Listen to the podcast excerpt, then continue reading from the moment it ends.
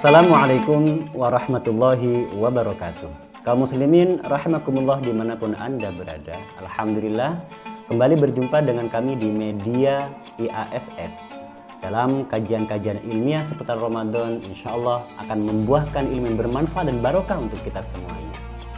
Kaum muslimin rahimakumullah di mana pun anda berada.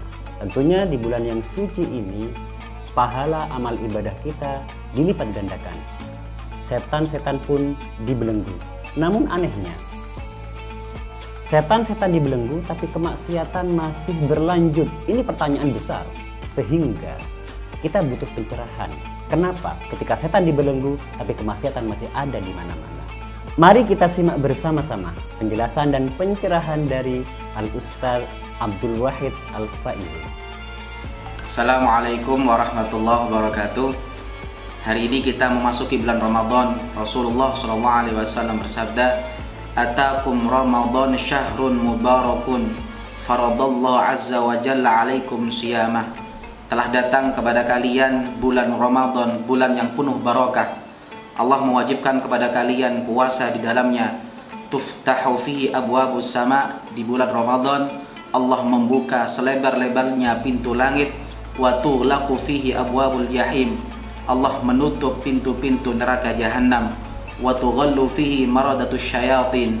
Dan Allah membelenggu setan-setan yang nakal. Lillahi fihi lailatun khairun min alfi syahrin. Di bulan Ramadan Allah menyiapkan kepada umat Nabi Muhammad SAW satu malam yang lebih baik dibandingkan seribu bulan. Man hurima khairaha faqad hurima Orang yang terhalang kebaikan Ramadan maka dia telah terhalang dari kebaikan di seluruh bulan selain Ramadan. Hadis riwayat Imam Nasai nomor 2106. Dalam hadis riwayat Imam Ahmad, Rasulullah Shallallahu alaihi wasallam meriwayatkan ada lima keutamaan yang Allah berikan kepada umat Nabi Muhammad Sallallahu Alaihi Wasallam. U'tiyat ummati fi syahri Ramadan khamsu khisal lam tuqaha ummatun qablaha Kata Rasulullah SAW, umatku di bulan Ramadan oleh Allah dikasih lima hal yang tidak pernah diberikan kepada umat sebelum Nabi Muhammad SAW.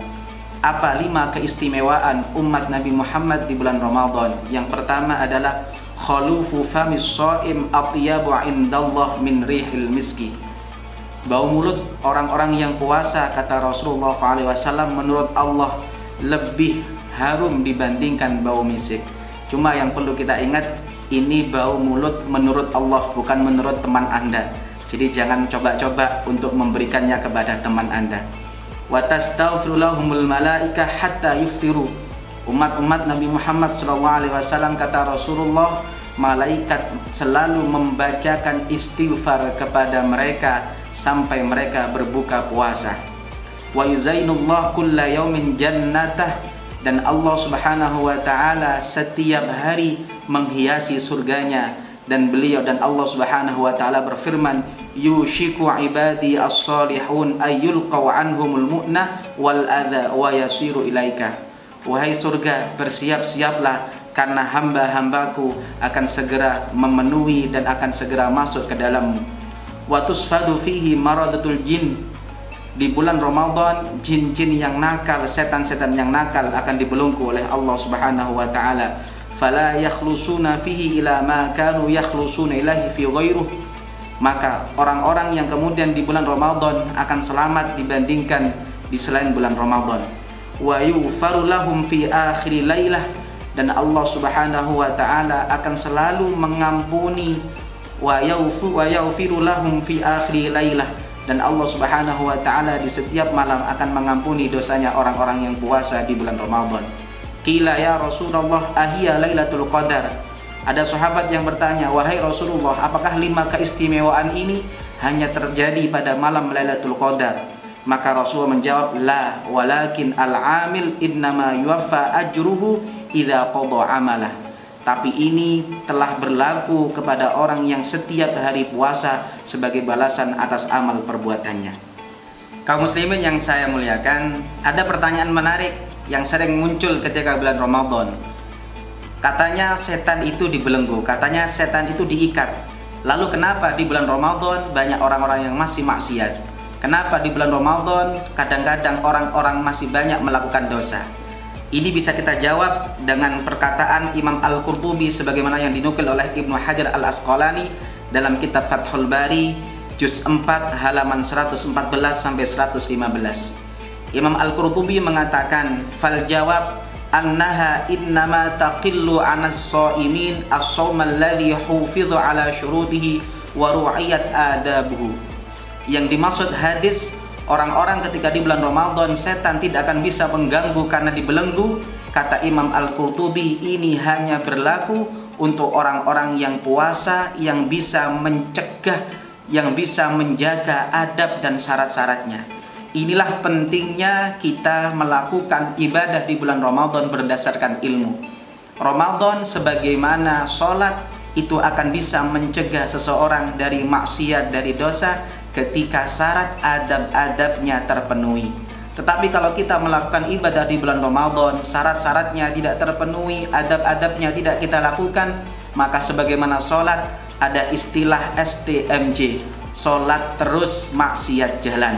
Kadang-kadang kita puasa tapi maksiat tetap jalan.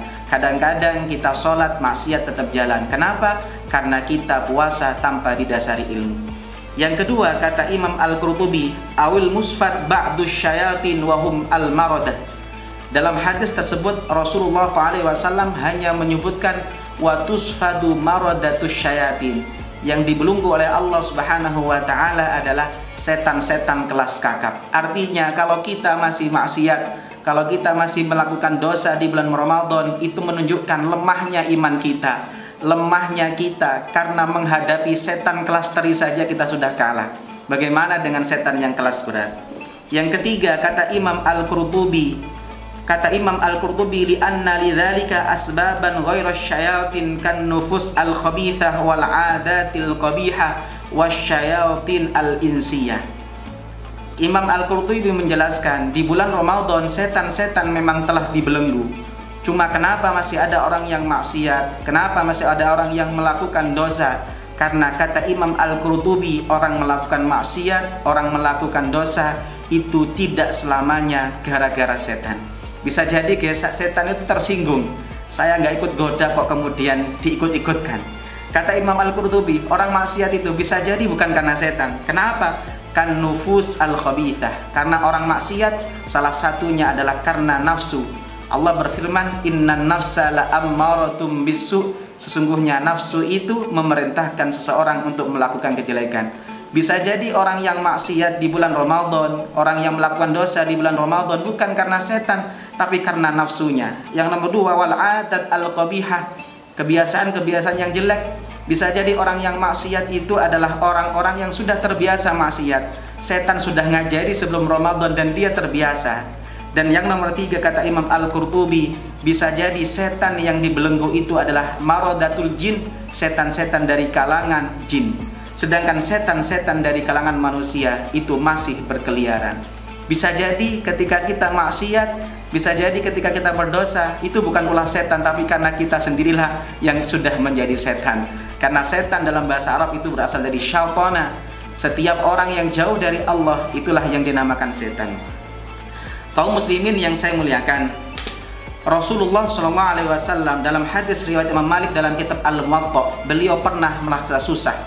Kenapa kok Rasulullah merasa susah? Faka'anna ma taqasara a'mara ummati. Rasulullah merasa susah karena umur umat Nabi Muhammad itu sangat pendek. Bayangkan, bandingkan dengan umur nabi-nabi umat-umat sebelum Nabi Muhammad.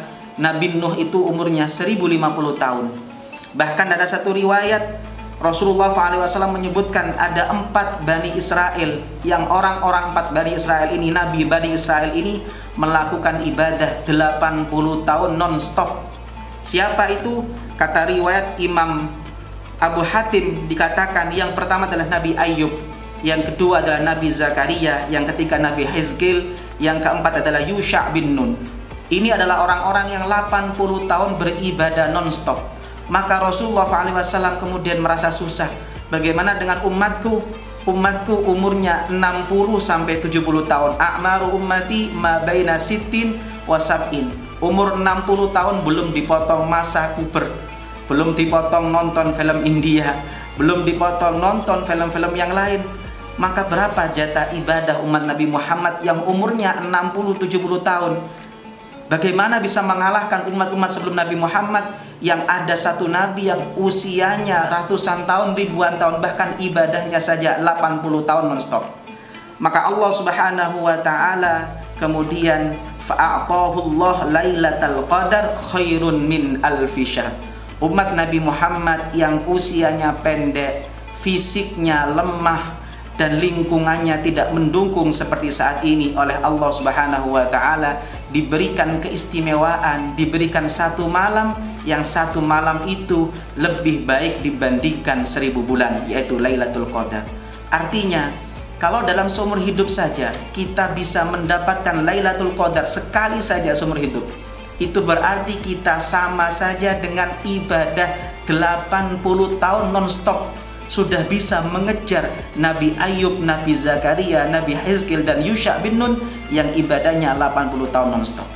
Maka Ramadan ini adalah peluang kita umat Nabi Muhammad untuk mengejar ketertinggalan dengan umat-umat sebelum Nabi Muhammad Sallallahu Alaihi Wasallam. Kaum muslimin yang saya muliakan, saya kasih analogi. Kalau ada mall, mall ini memberikan satu diskon 90% big sale 90% potongan harga. Dan akan ditutup besok jam 5 sore. Saya yakin dari pagi sampai menjelang jam 5 mall ini akan penuh sesak antri. Bahkan bisa jadi yang namanya parkiran itu tidak cukup. Kenapa? mereka berdesak-desak untuk mendapatkan big sale 90% maka seharusnya umat Nabi Muhammad SAW ketika masuk Ramadan yang penuh itu adalah masjid. Menjelang akhir Ramadan seharusnya masjid itu berdesakan. Banyak orang yang kemudian berdesakan antri ke masjid. Kenapa? Ibarat ada promo, batas waktunya akan habis. Batas waktunya cuma 30 hari, maka orang-orang akan berbondong-bondong untuk mendapatkan promo tersebut.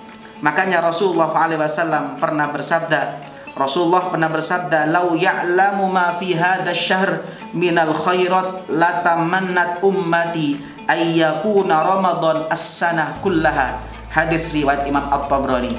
Kata Rasulullah, andaikan umatku tahu keutamaan ibadah yang ada di bulan Ramadan, maka umatku pasti akan berharap tidak ada bulan kecuali semuanya Ramadan.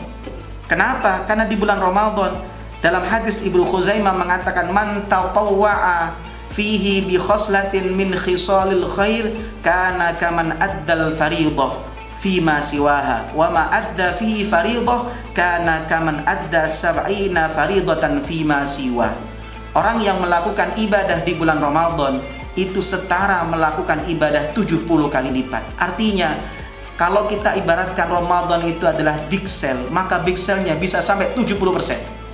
Bahkan dalam satu riwayat dalam kitab Lataiful Ma'arif Imam An-Nakhai mengatakan Saumu yaumin min Ramadan afdalu min alfi yaumin. Puasa satu hari di bulan Ramadan itu setara dengan seribu. Wa tasbihatun fihi afdalu min alfi tasbihah. Satu tasbih di bulan Ramadan setara dengan seribu. Warokatun fihi afdalu min alfi rok'ah Satu rokaat di bulan Ramadan itu setara dengan seribu rokaat di bulan Ramadan Kapan lagi kita bisa mendapatkan pahala satu setara seribu? Kita sedekah seribu setara satu juta. Kita sedekah satu juta setara satu miliar. Kapan kita bisa sedekah satu miliar? Kita kadang-kadang kalau ke masjid cari yang pahlawan pati murah, pahlawan perjuangan. Bagaimana bisa bersedekah satu satu satu satu miliar? Maka inilah kesempatan di bulan Ramadan harus kita pergunakan dengan sebaik mungkin. Orang yang tidak bisa menggunakan waktunya di bulan Ramadan, dia keluar Ramadan dosanya masih tidak terampuni oleh Allah Subhanahu wa taala. Ibarat tikus yang mati kelaparan di lumbung padi. Maka yang salah adalah tikusnya karena nggak mau makan. Orang yang kemudian rugi di bulan Ramadan adalah seperti tikus yang mati kelaparan di lumbung padi. Bahagia muslimin yang saya muliakan, semoga kita bisa melaksanakan ibadah di bulan Ramadan dengan sebaik mungkin. Wassalamualaikum warahmatullahi wabarakatuh. Alhamdulillah kita telah mendengarkan dan menyimak penjelasan sekaligus pencerahan dari Al Ustadz Abdul Wahid Faizin tadi.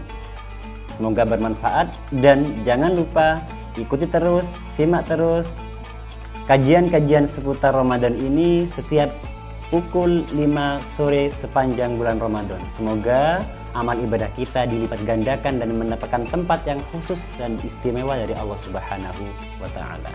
Akhiran, wassalamualaikum warahmatullahi wabarakatuh.